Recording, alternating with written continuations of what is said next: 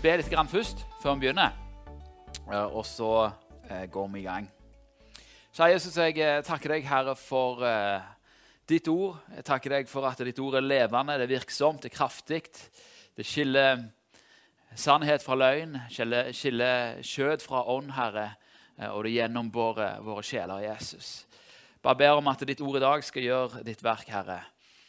Og ber om at du skal være med det jeg skal si i dag. Amen. Vi forkynnere vi har jo ofte en tendens til å velge ut en, en liten episode i Bibelen eller en, et lite ord i Bibelen eller uh, har et tema som hopper fra side til side. Uh, og det, det er jo veldig bra. Det pleier jeg òg å gjøre. Um, men Bibelen er jo uh, ikke bare ei rekke små historier. Det er òg ganske mange lange historier. Så vi tar noen lange linjer.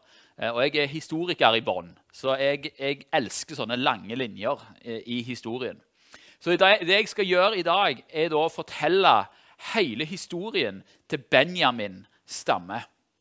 Eh, og da kan jeg lure på Benjamin stamme. Hvorfor i all verden skal du snakke om Benjamin stamme? Det er noen skjulte skatter i historien om Benjamin stamme. Det er en historie om både fall og gjenopprettelse, og om Guds grenseløse nåde. Så er dere med på den? Er dere med på ei reise? Den tar bare 1000 år, så det bør gå fint. Yes. La oss kjøre i gang. Benjamin han er en av Jakobs tolv sønner. Han er faktisk den yngste sønnen til Jakob. Eh, Her ser du bilder av dem fra en sånn barnebibel. Alle sønnene til Jakob. Og Det er sønnene til Jakob som danner grunnlaget for Israels tolv stammer. Eh, og De mest kjente stammene av disse, eller av disse sønnene da, så blir de mest kjente stammene er jo kanskje Juda og, og Levi stamme spesielt. Juda er jo det som har gitt navnet til ordet jøde. Eh, det er det som, eh, det, det er Jesus sin stamme, det er kong Davids stamme. Det er liksom den store kongestammen i, i Israel. Og så har du Levi stamme, som er prestestammen. Det er der Aron hører til, og Moses og Samuel. Det er liksom prestestammen. Eh, og så har du eh, Josef sine to stammer, Efraim og Manasseh, som eh, Josef ble til to stammer. Og de er på en måte det som blir Nordriket etter hvert. Så de skiver litt om, om å være den sterkeste stammen sammen med Juda. Men i dag skal vi da snakke om Benjamins stamme, som er en liten stamme i Israel, men som får stor betydning faktisk for deg som sitter her. Det blir spennende å se på. La oss gå til navnet Benjamin eh, og liksom se hvordan blir han introdusert.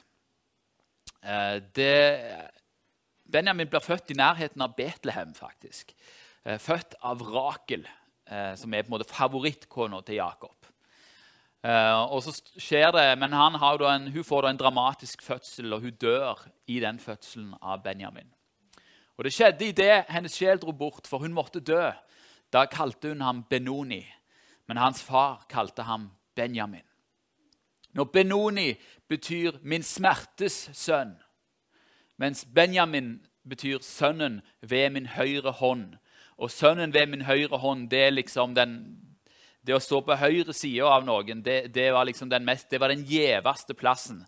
Akkurat som Jesus han sitter ved sin fars høyre hånd. sant? Eh, så, så, eh, så du har på en måte to navn her i forhold til Benjamin. Du har min smertesønn', og så har du sønnen ved min høyre hånd. Og Gjennom historien så skal på en måte Benjamins stamme eh, være, være årsak til å være eh, være årsak til både velsignelse og smerte. Og vi skal se på hvordan det henger sammen. En av de tingene som eh, eh, Den eneste historien der egentlig Benjamin spiller en rolle, er, er historien om Josef og brødrene hans. Og eh, Josef han, eh, han har forlangt å få se Benjamin, som er hans yngste bror. Sant? De hadde jo samme mor, så de var på en måte fullstendig brødre. Så eh, han, eh, han ville se broren sin og forlangte å få se broren sin igjen. De skulle ta med seg Benjamin. Og, og Når de tar med seg Benjamin og Josef og ser broren, så legger han sølvbegeret i, eh, i, sekken til Benjamin. Sånn at når, eh, når, eh, når, Benjamin da Eller når de blir satt etter dem, så er det sånn at Benjamin han, de finner dette sølvbegeret hos han, og han skal liksom bli tatt med tilbake. Og Da skjer det en interessant ting som da handler om Juda. For Juda har da lovt sin far dyrt og hellig at han skal ta med seg Benjamin tilbake. Så han sier da til, eh, til, Jak til Josef sine tjenere La derfor din tjener bli igjen i guttens sted som trell hos min herre, og la gutten dra hjem med sine brødre. For hvordan skulle jeg kunne dra hjem til min far uten at gutten er med meg? Jeg kunne ikke se på den sorg som kom til å ramme min far. Juda han eh, går av veien. Han setter seg i Benjamins sted. Benjamin har blitt funnet som en overtreder, selv om han ikke har gjort noe galt. Men Juda tar hans plass, eller er villig til å ta hans plass. Um, og så uh, trenger han ikke å gjøre det, men han er villig til å gjøre det. Uh, og dette, denne Relasjonen mellom Judas stamme og Benjamins stamme den, den begynner egentlig her, uh, med at Juda går og stiller sitt liv til disposisjon egentlig for Benjamin. Mot slutten av Jakobs liv så eh, tar han og velsigner alle sine sønner. Eh, og I løpet av Mosebøkene så får Benjamin to velsignelser. I Jakobs velsignelse står det i 1. Mosebok 49 at Benjamin er en glupende ulv. Om morgenen eter han opp rov, om kvelden deler han ut hærfang. Glupende ulv det er ikke et veldig positivt lada ord. Ulv er liksom uh, Ulven er ikke et, er ikke et uh, altså, Ulven er jo han som stjeler fårene. sant? Ulv er ikke et uh, flott dyr i bibelsk sammenheng. Moses, når han skal velsigne israelsfolket rett før de skal innta landet, så sier han om Benjamin sa han, 'Herrens elskede er han'. Trygt bor han hos ham. Hele dagen holder han sin hånd over ham. Han hviler mellom hans skuldrer. Så Du ser her to velsignelser. da. En som snakker om at du er en glupende ulv, som ikke høres så veldig mye ut som en velsignelse i det hele tatt. Og en som sier at han er Herrens elskede. Så det er to sånne spor her som går i Benjamin sitt liv, eller i Benjamin stamme. Når de da kommer inn i det lovede landet her, så la dere merke til at eh, han hviler mellom hans skuldre, altså mellom skulderbladene. Det som var med plasseringen til Benjamins stamme, var at han var midt mellom de to sterkeste stammene i Israel. Juda i sør og Efraim i nord. Så midt her, den lille oransje flekken der Ser dere den? Det er Benjamins stamme. Liten stamme men som da bor trygt. Utover i dommerperioden så ser vi da at den glupende ulven kommer til, kommer til syne i Benjamins stamme. I Dommerne 3, eh, vers 12-30, så står det om benjaminitten Ehud, Geras sønn, en skeivhendt mann. Når Ehud han var dommer i Israel, Uh, og Han ble da sendt for å snikmyrde uh, kongen i Moab, som hadde undertrykt dem. Og uh, De gjør et lite poeng ut av at han er skeivhendte. Så han, han, kommer helt opp og lister seg inn og skal kviskre han i øret. Og så tar han, stikker han med sverdet så han går tvers igjennom. Og Dette blir jo sett på som en frelse og oppreisning for Israel, men det sier òg litt om Benjamins natur. Her er det snikmord på gang.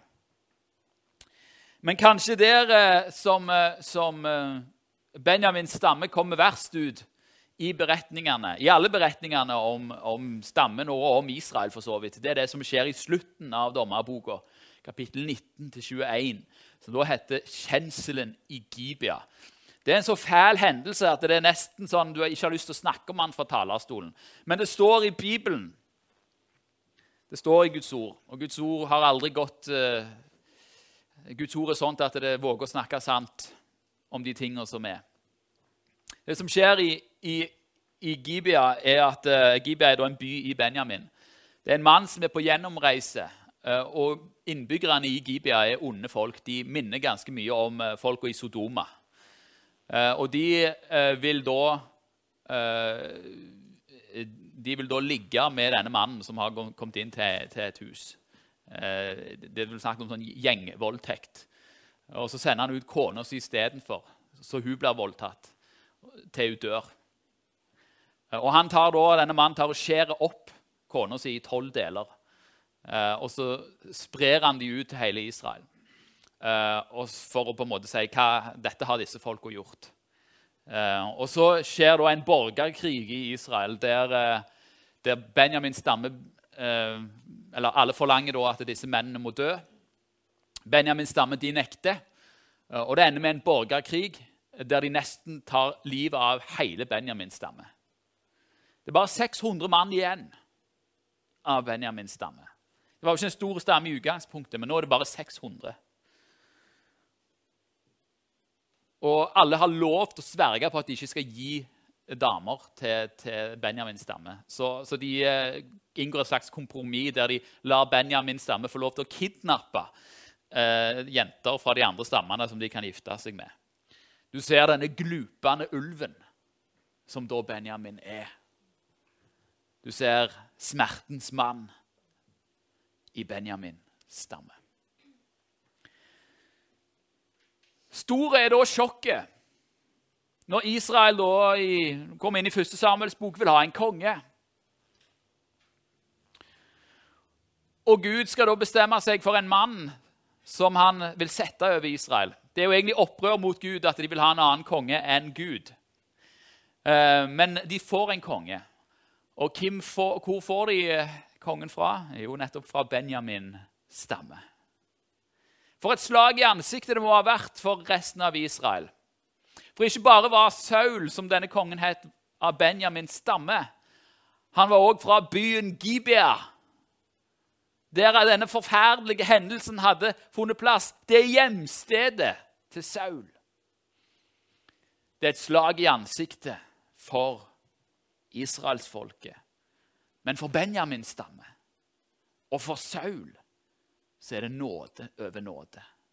I 1. Samuels bok 10,25 så kaller Samuel Gibea for Guds Gibea. Guds Gibea. Der alt dette forferdelige hadde skjedd. Der alt dette grusomme hadde skjedd, så tar Gud og så snur han det opp ned. Så tar han det som er lågt, og så løfter han det opp. Fra den minste stammen, som nesten har blitt utrydda, der plukker han en mann. Fra den byen i den stammen der alt det fæle hadde skjedd, så blir han løfta opp. For det står noe i 1. Korinterbrev at brødre, legg merke til det kall dere fikk. Ikke mange vise etter skjøtet ble kalt, ikke mange mektige, ikke mange av høy ett, men det dåraktige i verden. Det utvalgte Gud seg for å gjøre de vise til skamme. Og det som er svakt i verden, det utvalgte Gud seg for å gjøre det sterke til skamme. Det som er lågt i verden, og det som er forakta Og hva var mer forakta enn Gibea? og Benjamin. Det utvalgte Gud seg. Det som ingenting er, for å gjøre det til intet som er noe. For at intet kjød skal rose seg for Gud. Saul hadde fått en enorm oppreisning. Hele Benjamins stamme hadde fått en enorm oppreisning. For en mulighet til å få lov til å være konge og fører for Israel. Så går det ikke lang tid tida da. Så feiler Saul. I 1. Samuels bok kapittel 13 så leser vi om at filisterne samler seg til kamp. Og Saul han har samla folka sine ved Gilgal. Og så begynner, Men filistrene er mange, og israelittene er ikke så mange og så venter de på Samuel, for han skal komme og gjøre ofringen. For det var viktig å ofre til Gud før du gikk i krig. Men Saul Samuel drøyer.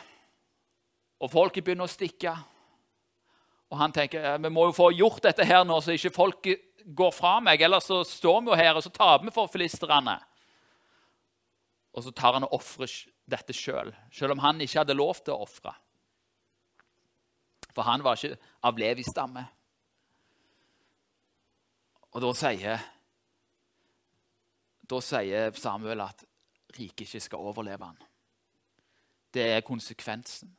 Fordi han stolte ikke på Gud. Og Det er ikke menn som gir seier. Det er Gud som gir seier. Stoler vi på Gud når vi ikke har nok menn med oss, når det ser vanskelig ut, når vi ikke har penger nok? Eller gjør vi som Saul, prøver å fikse det sjøl?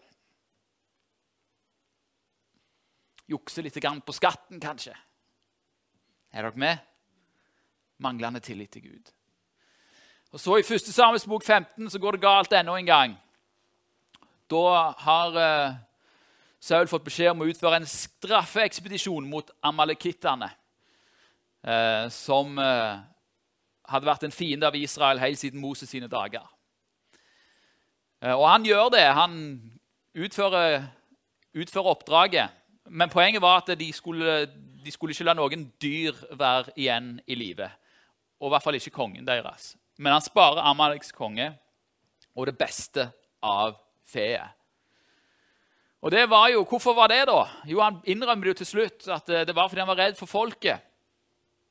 For at folket Det var jo sånn at når man pleide å dra i krig, så så fikk soldatene de fikk eh, skattene. Og, å dra i krig betydde ekstra inntekter. Men dette var ikke en vanlig krig. Dette var en straffeekspedisjon. Det skulle ikke være noen ekstra inntekter. Men han lot de få det. Det beste. Han ville til og med ofre det som brennoffer til Gud. Men han innrømmer at det var fordi han var redd. Han var redd. Og Det fører til at eh, at, nei, Samuel sier til Saul at eh, du, kongeriket er nå tatt fra deg, og så er han gitt til en annen. Og Det er her da David kommer inn på, på banen. Han blir da salva til konge av Samuel. Og David er da av Judas stamme, så her kommer denne relasjonen mellom Juda og Benjamin inn igjen. Og Saul aksepterer ikke dette, så han, mellom kapitlene 18 og 26 så er det egentlig nesten sånn sammenhengende historie om at Saul forfølger David. Han eh, drar eh, etter David, prøver å slå han i hjel.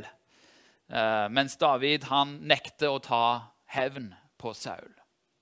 Men Saul har en sønn. Den eldste sønnen til Saul heter Jonathan. Og Jonathan han er glad i David.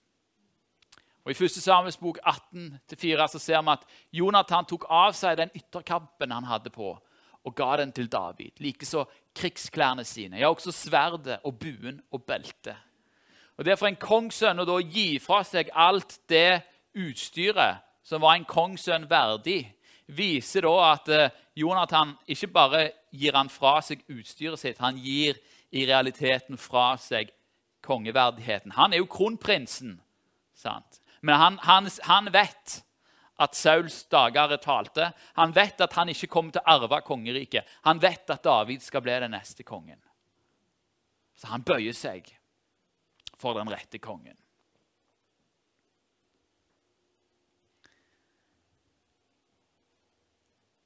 Han skal vokse, og jeg, og jeg skal avta, sier døperen Johannes. Et ekko av det samme. Saul han eh, fortsetter på, på denne ferden. Han eh, slutter å forfølge David når at David rømmer til, over til filistrene. Men han er så redd at han til og med oppsøker de døde for å få hjelp. Men han får ikke noe hjelp. Og Det ender med at han tar sitt eget liv ved Gilboa, som du kan lese om i 1. Samuels bok, kapittel, 1, nei, kapittel 31 og vers 4. Og Etter dette så blir da Sauls sønn Ishboset han blir konge over Israel. Ishboset betyr skammens mann. Eh, han blir konge over Israel, men David blir valgt til konge av, av Juda. Så det blir en sju års borgerkrig mot David og Judas stemme helt til han blir drept av sine egne, som står i 2. Samuels bok, kapittel 2-4. Men Jonathan ja, Jonathan han har en sønn som heter Mefibosjet. Når uh, Saul og Jonathan blir drept, for de blir drept sammen, så dette Mefibosjet når, når hun som passer på han får høre om dette, så, så mister hun Mefibosjet, og han blir lam i, i begge beina. Men fordi at uh, Jonathan han, han, bøyde seg, uh, og, han, uh, og, David hadde lovt at Jonathan ikke skulle utrydde Han hadde lovt å ikke utrydde Jonathans slekt. Så henter David Mefibosjet til sitt hus og sier at Mefibosjet skal spise ved mitt bord som en av kongens sønner. Altså Han oppga sin egen Jonathan han oppga sin egen kongeverdighet. Oppga tronen. Men hans sønn fikk sitte ved kongens bord som en kongssønn.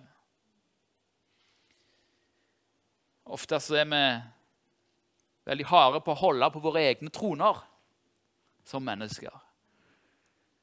Men når vi oppgir herredømme over vårt eget liv, så får vi sitte med kongens bord som en av kongens egne sønner. eh, gå tilbake igjen. Eh, I 2. Samuels bok 1928 eh, så sier Meffi Bosjet Hele min fars hus hadde ikke annet å vente av min herre kongen enn død. Likevel ga du din tjener plass blant de som spiser ved ditt bord. Hva rett har jeg da mer å kreve, og hva mer har jeg å rope til kongen om? Mefibosjet skjønte hva som hadde blitt gjort. Men det fins to andre benjaminitter som eh, ikke er av helt samme sorten. Han ene heter Shimei. Og En tid etterpå, når eh, Davids sønn Absalom gjør opprør, og de kommer til en plass etter Bahurim, så begynner Shimei Han går da og forbanner David mens han flykter for sønnen sin. Kaster stein etter han og forbanner han. Senere så ydmyker han seg men han blir drept sen, eh, etter det da, under Salomos tid fordi han velger å bryte husarresten som Salomo har satt han i. Og Så har du Sheba, som etter denne affæren med Absalon finner ut at eh, nå skal vi gjøre opprør, og prøver da å bli, eh, bli konge. Så tar seg av på en måte denne ja, Ønsker å, å gjøre på en måte opprør. Men han blir òg drept ganske kjapt da, før han får stilt i stand dette opprøret. Du ser her da to sånne Ser dere de to parallelle historiene i Benjamin sitt liv? Saul feila, og han ble denne glupske ulven som forfulgte David. Jonathan var den elskede sønnen. Og Mefiboset fikk sitte ved kongens bord. Trygt. Shimei og Sheba de gjorde opprør. De forbanna den glupske ulven. Og Etter dette så spiller da Benjamin annen fiolin for Juda. Helt sikkert er det pga. Mefibosjet at eh, Benjamin går på Judas side når riket blir delt i to etter Salomos død. Men vi ser da at eh, fra og med denne tida så snakkes man da om, om Juda og Benjamin som Benjamin som sånn attpåklatt egentlig til Juda. da. Alle disse byene lå i Juda og Benjamin. står det i krønikebøkene. Hør på meg, Asa, og hele Juda og Benjamin. Ja, og etter, etter eksilet så er det Judas og Benjamins motstandere fikk nå høre at de som var kommet hjem, var i ferd med å bygge et tempel for Herren Israels Gud. Altså Juda og Benjamins motstandere. Så Juda og Benjamin blir en sånn måte å snakke om, eh, om jødefolket på.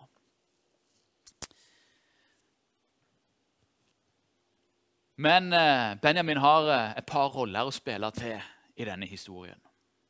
En av dem er i Persia, i borgen Susan. I borgen Susan. Så var det den gang en jødisk mann som het Mordekai. Han var sønn av Jair, som var sønn av Shimei.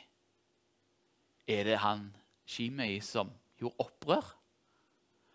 Og sønnesønn av Kis av Benjamin stamme. Det kan være han Shimei. Nå var Shimei et sånn ganske vanlig navn blant benjaminitter. Du finner flere som heter Shimei. Så vi vet ikke helt hvem, hvem Shimei dette her er snakk om. Og når de sier 'sønn av', så kan det òg bare bety at han er en av forfedrene. Men her var, Mordekai var en av Benjamins stamme. Den samme var Ester. Og Mordekai og Ester de redder Israel fra utryddelse.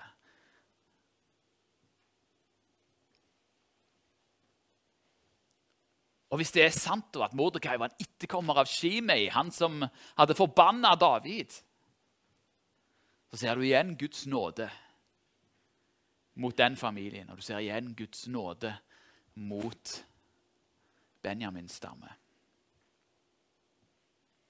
På Jesus' i tid så møter vi en annen Saul av Benjamins stamme. En som er oppkalt etter kong Saul. Han sier om seg sjøl at 'jeg er omskåret på den åttende dagen'. 'Jeg er av Israels ett, av Benjamins stamme', en hebreer født av hebreere, i forhold til loven en fariseer, i nidkjærhet en forfølger av menigheten, i rettferdighet etter loven, ulastelige. Han var en skriftlærd. I motsetning til han han er oppkalt etter, så var han ikke redd for mennesker. Han var knallharde. Han frykta Gud og ingenting annet. Han hadde sittet ved Gamaliel sine føtter. Gamaliel, som da var den mest lærde personen i eh, Jerusalem på den tida, som jøder den dag i dag ære for hans innsikt i loven. Han hadde all utdannelse, og han skulle i hvert fall ikke svikte. Han kjente denne historien som jeg har fortalt dere. Det var hans stammehistorie.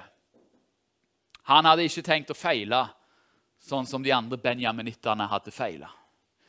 Så når disse, denne sekta av kristne dukker opp, så er det Saul av Tarsus sitt oppdrag å få disse her til doms. Jeg tar neste.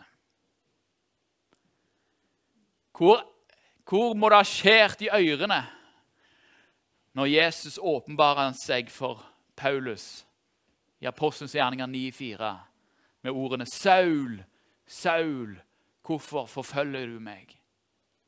På samme måte som Saul hadde forfulgt David, så forfulgte nå den nye Saul Davids etterkommer. Plutselig så han kanskje at han hadde gått i den samme fella sjøl. Men, Jesus kom ikke for å dømme Saul. Han kom ikke for å dømme Paulus. Han kom for å tilgi. Han kom for å bryte alle forbannelser. Saul var den samme glupske ulven som resten av Benjamins stamme. Men Jesus kom inn, og så brøyt han forbannelsen. Så sier Paulus siden at 'jeg er korsfesta med Kristus'. Jeg lever ikke lenger sjøl, men Kristus lever i meg. Og det livet jeg nå lever i skjødet, det lever jeg i troen på Guds sønn. Han som elska meg og ga seg sjøl for meg. Hvorfor valgte Jesus Paulus, har jeg lurt på. Kanskje fordi han var en benjaminitt. Og Gud ville bare vise hvor stor nåde han hadde.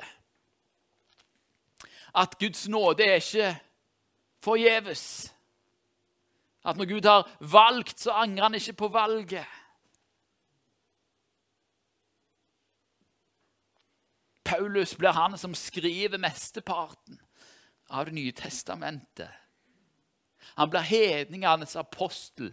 Du hadde ikke sittet her i dag hvis det ikke var for Paulus av Benjamins stamme.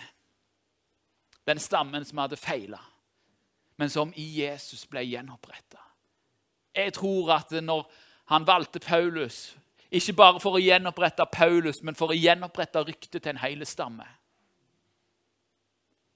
En stamme som hadde vært en glupende ulv. men som nå fikk oppleve å være Herrens elskede.